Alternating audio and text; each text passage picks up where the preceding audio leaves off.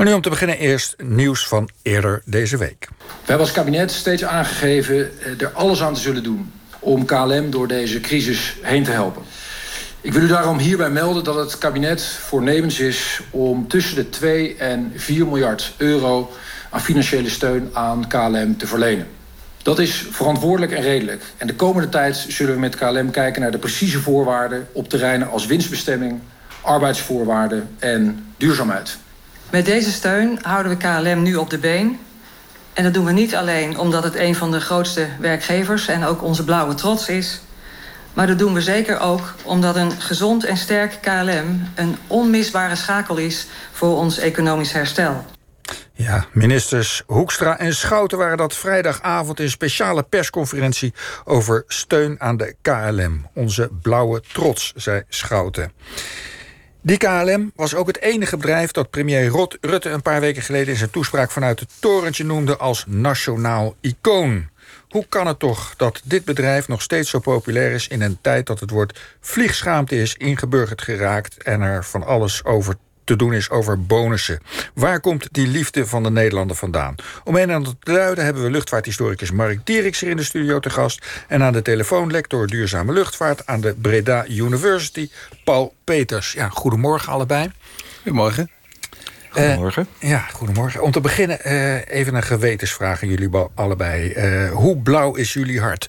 Mark, trots als je ergens elders in de wereld zo'n blauwe vogel ziet staan op een vliegveld? Nou, ik zou zeggen lichtblauw. um, kijk, ik hou me met de luchtvaart bezig al, al heel lang. En ik vlieg ook best graag als ik vlieg met de KLM. Dat heeft ook een beetje met de betrouwbaarheid van dienstregeling te maken. Je weet wat je kunt verwachten aan boord. Maar als historicus en wetenschapper behoor je natuurlijk ook een beetje afstand van je onderwerp te houden. Dus lichtblauw. Lichtblauw, oké. Okay. Uh, eh, Paul Peters, hoe zit dat bij jou? Zit er nog iets van blauw in? Ja, nou... ja. Um, als jongetje wilde ik eerst bioloog worden... maar toen ik een keer gevlogen had voor vakantie... dat ging toen ook al... Um, toen werd ik heel erg luchtvaartenthousiast. Dus ik was uh, veel te vinden uh, langs de, de startbanen uh, op Schiphol... met de fiets erheen vanuit Haarlem. Dat ging natuurlijk best. Um, nou ja, later ben ik vliegtuigbouw gaan studeren. Ik heb bij Fokker gewerkt, dus ik heb wel een soort van uh, vliegtuighart. En daar uh, speelt die KLM zeker een rol in. Um, de laatste keer dat ik gevlogen heb, dat is alweer jaren en jaren geleden... Uh, was ook met de KLM. Uh, maar ja, tegelijkertijd zie ik ook wel... Uh, zeg maar, ik hou me nu heel erg bezig met de milieuproblemen van het reizen. En daar spelen KLM en met name de luchtvaart... die spelen daar natuurlijk toch wel een problematische rol in. Ja, ja, ja. Dus dat, jij hebt uh, ja, met ge ik heb gemengde... er ook wel zo mijn kanttekeningen bij. Met gemengde gevoelens naar de persconferentie zitten kijken. Uh, zeker, ja. ja. Ja, ja, Want Schouten zei ook al ergens erin, geloof ik... dat de KLM al redelijk duurzaam bezig was. Jij als lector duurzame luchtvaart, uh, is dat zo? Nou, als je het vergelijkt met, uh, met heel veel andere luchtvaartmaatschappijen in de wereld... dan is dat zeker zo. Doen ze meer. Uh, ze zijn ook bij allerlei projecten betrokken op het gebied van duurzame brandstof, duurzame vliegtuigen ontwikkelen. Maar als je naar de hele sector kijkt, dan is het zo abominabel weinig wat ze doen, dat je al gauw wat meer doet. Ja, er valt nog, er valt nog wat te winnen, dus.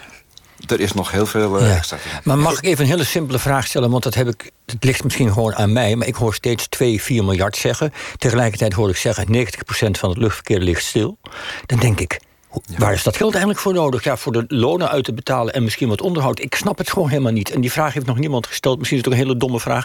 Maar kan iemand van jullie mij dat uitleggen? Nou, dat geld eh, dat is met name nodig. Eh, niet alleen om de lonen uit te, uit te, uit te betalen. Er zit niet zo heel veel eh, vet op de botten, zoals dat heet in bedrijfstermen. Op, in de luchtvaart. Rentabiliteit is altijd al, al relatief laag geweest. Uh, maar de luchtvaart heeft met name enorme vaste lasten uit het, uh, ja, uit het uh, leasen, kopen en huren van vliegtuigen. Ja, en die lasten die gaan gewoon door. En dat, Hoezo? Ja, ja nou dat, dat, dat beloopt enorm veel geld. Die vliegtuigen zijn gefinancierd. Het is net als je een huis hebt, die hypotheek moet je doorbetalen. Daar Precies, komt, dat is het. Ja. ja. Goed, uh, laten we even de geschiedenis induiken. Mark, jij hebt uh, meegeschreven aan een tv-serie... die vanaf uh, september te zien is over de geschiedenis van de luchtvaart in Nederland. Vliegen de Hollanders geheten. Ja. Ehm, KLM vierde vorig jaar nog zo'n 100 jaar bestaan.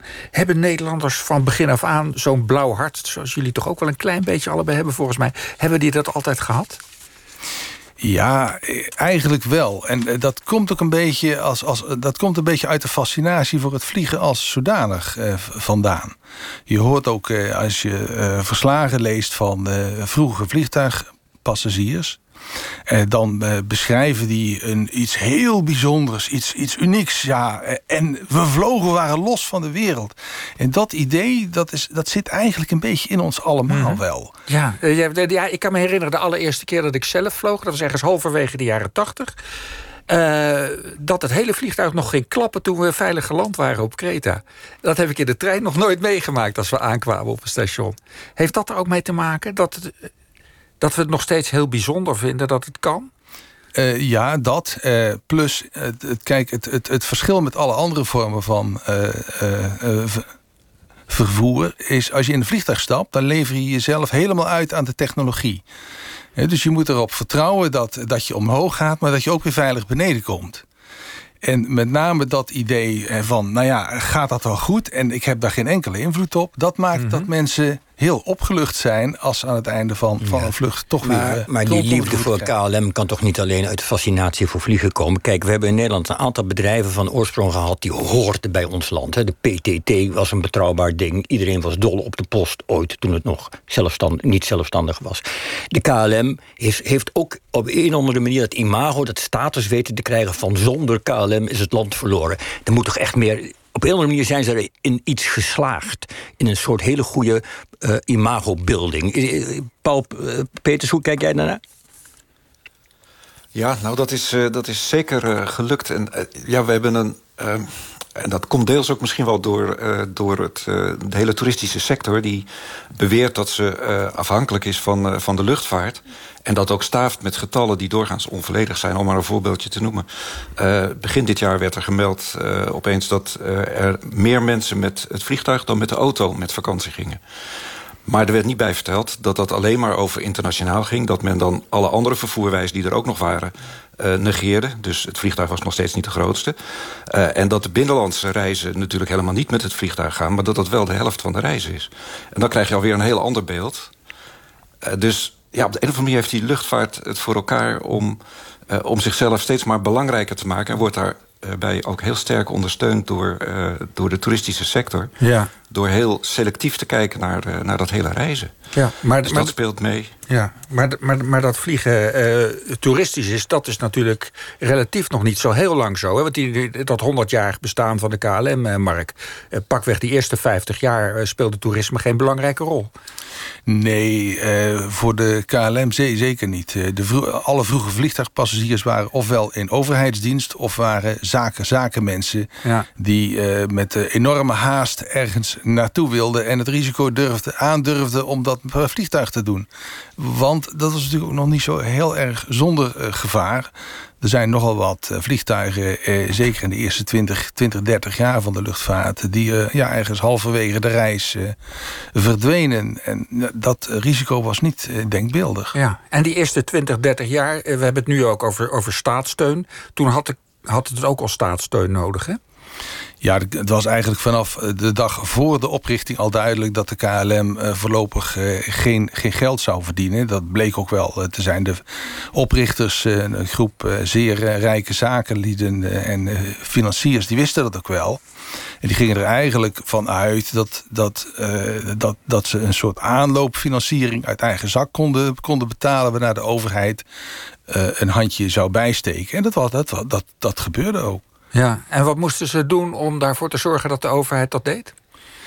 Nou, dat was eigenlijk met name... Kijk, in, de eerste twintig jaar van de luchtvaart is er geen cent eh, verdiend. En om nou toch op de een of andere manier eh, de overheid ertoe te verleiden... om het bedrijf overeind te houden... eh, organiseerde de K- KLM en heel, heel bewust... eh, op allerlei momenten dat het ze zeer slecht ging... organiseerden ze vluchten die dan de, de, de pers haalden... en die ook de fantasie van de Nederlandse bevolking prikkelden. Mhm. En in die periode voor de Tweede Wereldoorlog... moet je dan met name denken aan een aantal spectaculaire vluchten naar Nederlands-Indië... die dan ja, dagelijks in, de, in de kranten gevolgd werden... waar, waar mensen voor zover er al radio was... speciaal voor uitliepen om daar alles over aan de weet te komen. Ja, die piloten waren ook soort bekende Nederlanders, hè? Eh, ja, dat waren soort de, de, de grote sporthelden van nu. Dat waren, dat, dat, dat waren ze eigenlijk. Dat waren soort magische, mythische figuren. Ja, een bekend voorbeeld is geloof ik dat van de Pelikaan. Die ging geloof ik de kerstpost naar Indië brengen... en deed dat dan in zes of zeven dagen. En dat was heel bijzonder.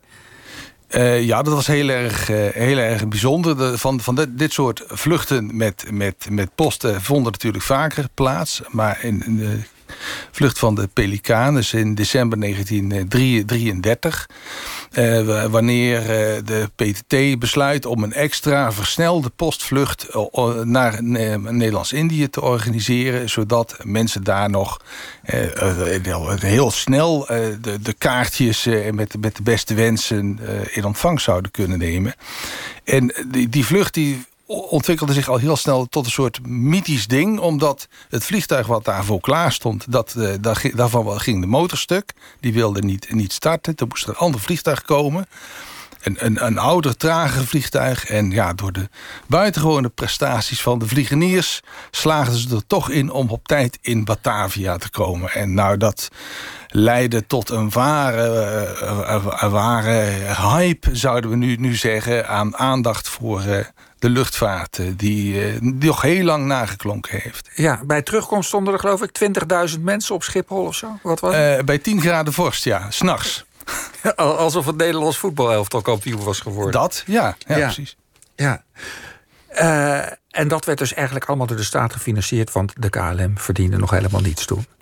Nee, en de staat had er ook natuurlijk eh, belangen bij. Want het belang van de staat om de KLM te financieren... was eigenlijk gelegen in het vliegen naar Nederlands-Indië. Want dat bevorderde het, bestuur en de, zeg maar, de grip die men vanuit Den Haag... op het uh, gouvernement in Batavia had... die werd sterker naarmate de verbindingen sneller en beter waren. En daar speelde die KLM en de luchtvaart een uh, enorme rol in. Ja, en op die manier werd ook een soort nationale trots op dat blauw gekweekt. Precies, ja. Ja, ja want wij, wij deden het dan sneller dan landen om ons heen. En uh, ja, dat, uh, dat, dat, dat vond men ook toen al heel erg mooi. Ja, het was een soort Wild West-tijd in de luchtvaart. Uh, Paul Peters, in die Wild West-tijd was er eigenlijk niks geregeld. Hè? En dat de luchtvaart wettelijk een soort uitzonderingspositie krijgt... dat gebeurt in 1944, hè? Tijdens de Tweede Wereldoorlog. Ehm, Wat gebeurde er toen precies? Ja, midden in de... Nou ja, uh, men probeerde eigenlijk vanwege die oorlog natuurlijk... Uh, uh, ja, vrede, dat, dat was alles waar het, waar het heen moest. En men dacht van, als we die luchtvaart... die, die in de, de oorlog natuurlijk een heel grote rol speelde... bij de bombardementen en zo... als we die nou ook civiel na de oorlog kunnen gaan inzetten... Um, voor het, uh, ja, het verspreiden van de mensen... en dus met elkaar in contact brengen... en dus vrede brengen in de wereld. Dat was eigenlijk de doelstelling van een organisatie... die toen is opgericht. Uh, gericht. Dat is de ICAO, de International Civil Aviation Organization. Um, en ja, bij dat oprichten werd uh, meteen ook een einde gemaakt aan een praktijk van een aantal landen om hele hoge belastingen te heffen op de brandstof die een vliegtuig aan boord had. Dus dat vliegtuig werd helemaal binnenstebuiten gekeerd om alle brandstof te vinden. Nou, allemaal heel onpraktisch en ook logisch dat men dat uh, niet, uh, niet prettig vond. Maar het gevolg is dat we nog steeds uh, geen BTW op tickets hebben, ja. internationaal in ieder geval. En nog steeds geen uh, accijns op de brandstof ja, dus, betalen. Dus, dus die bevoorrechting en uitzonderingspositie van het vliegverkeer is, is toen ontstaan en dat is nooit meer hersteld eigenlijk? Nee, is nooit meer hersteld. En uh, dat wordt nog steeds, wordt dat argument van vrede op aarde brengen... wordt bij elke bijeenkomst van de ICAO wordt dat gememoreerd. Tja. Dus dat is echt een organisatie die, uh, die de luchtvaart zoveel mogelijk uh, probeert te bevorderen uh, in termen van groei. en tegelijkertijd ook de verantwoordelijkheid heeft gekregen, heeft gekregen voor um, bijvoorbeeld klimaatverandering en emissievermindering. En ja, dat is dus daar niet in goede handen. En dat lijkt ook. Want... Een rare combinatie, toch? Ja, dat is een hele ja. moeilijke combinatie. Dat mag je haast niet vragen aan iemand. Ja, ja maar, maar, maar hoe is dat mogelijk dat want destijds was het dus een beetje te begrijpen. die vrijstelling van belasting op kerosine en dat soort dingen. Maar in, het, in een tijd zoals nu, zoals er nu naar energie wordt gekeken en energieverbruik. Hoe kan het dat dat de afgelopen 30, 40 jaar niet veranderd is? We hebben toch een enorm opkomende milieubeweging gehad. Heb je daar een verklaring voor? Nou, uh, het gevolg van die uh, overeenkomsten in 1944 was vooral dat uiteindelijk alle landen onderling zeg maar luchtvaartverdragen zijn gaan afsluiten op basis van dat algemene verdrag. Dat betekent dus dat die niet BTW en niet accijns betalen zit in, in duizenden overeenkomsten tussen landen. En het is natuurlijk best wel een dingetje om dat allemaal te gaan veranderen. Dus dat speelt mee. En ja, degenen die het zouden moeten doen... die, die hebben niet het gevoel dat ze er belang bij hebben. Um, en nationale overheden die concurreren op... Uh, uiteindelijk op het zoveel mogelijk uh, luchtvaart ontwikkelen. is Nederland uh, behoorlijk goed in geslaagd trouwens. Um, maar dat komt omdat we de, zeg maar de nadelen op het gebied van milieu... met name die van klimaatverandering... ja, die ligt dus bij die ICAO, bij die organisatie van de VN... En daar zijn we als land niet eh, verantwoordelijk voor. Daar worden we ook niet echt op afgerekend. En dat zou dus eigenlijk moeten veranderen. Je zou het gewoon onder onze uh, eigen uh, verantwoordelijkheid van elk land uh, moeten stoppen. Net zoals dat eigenlijk voor alle sectoren is... behalve voor de internationale luchtvaart en de internationale scheepvaart. Ja, en er zijn weinig goede argumenten om dat niet te doen. Ja, ja. Een, een, andere vraag die we toch ook nog even moeten stellen... denk ik, is die, die, dat bedrag tussen de 2 en 4 miljard... en de, en, en de naar mijn gevoel vrij dunne legitimatie tijdens die persconferentie van dat bedrag. De, de, Cora van Nieuwenhuizen zegt onmisbare schakel voor ons economisch herstel. Hoekstra zegt verantwoordelijk en redelijk. Is die KLM en Schiphol, zijn die zo onmisbaar voor ons? Gaan we naar de donder als het, als het, als het een beetje inklapt? Nou, naar de donderen, dat zo'n zo vaart zal het misschien niet meteen lopen. Je kunt ook even over de grens kijken hoe het in België gegaan is... toen ze daar een nationale luchtvaartmaatschappij kwijtgeraakt zijn. Er zijn meer landen die geen eh, eigen vliegmaatschappij meer hebben. Maar je moet wel zeggen dat het, uh, het, zeg maar, het internationaal vestigingsklimaat van een land... gekoppeld is aan, uh, aan het hebben van goede verbindingen. En uh, het is niet automatisch zo dat wanneer je die verbindingen... Uh, wanneer je daar zelf geen invloed op uitoefent... dus wanneer je bijvoorbeeld mm -hmm. geen eigen luchtvaartmaatschappij hebt... dat die verbindingen vanzelf altijd naar de plekken gaan... waar jij als land het meest uh, voordeel bij hebt. En uh, dat zie je dus ook uh, zeg maar in de afgelopen uh, 20, 30 jaar... en de opkomst van lage kosten vliegmaatschappijen... die naar allerlei plekken vliegen... waar eigenlijk geen economische activiteit plaatsvindt... waar je als land voordeel bij hebt. Dus vandaar dat de overheid heel erg zit op het spoor van... we moeten die KLM in de lucht houden... Ja. want dat is een factor in ons eigen economische uh, proces... en het economisch herstel wat we op hopen ja. dat gaat plaatsvinden. Ja. Afsluitende vraag, uh, kort antwoord graag. Denken jullie dat er strenge voorwaarden gesteld gaan worden? Nee hoor, dat zou de eerste keer zijn. en uh, Paul, mee eens? Nou, uh, tot op zekere hoogte. Want uh, als ik een subsidie ergens voor aanvraag... Uh, voor onderzoek of zo... dan zijn er ongelooflijk veel voorwaarden. Dus ik zou het vreemd vinden als er uiteindelijk geen voorwaarden komen. Dus ik hoop eigenlijk dat, dat er een KLM uit ontstaat... die, die kleiner, wellicht meer zelfstandig... gericht op echt het meest noodzakelijke netwerk... En dat al die, die vluchtjes naar Frankfurt en Brussel... En, en waarschijnlijk ook Londen, dat dat gewoon allemaal verdwijnt. Dat zouden ook goede voorwaarden kunnen zijn... om in ieder geval een stapje te zetten. Goed, we zullen zien wat er gebeurt. Mark Dieriks en Paul Peters, hartelijk dank.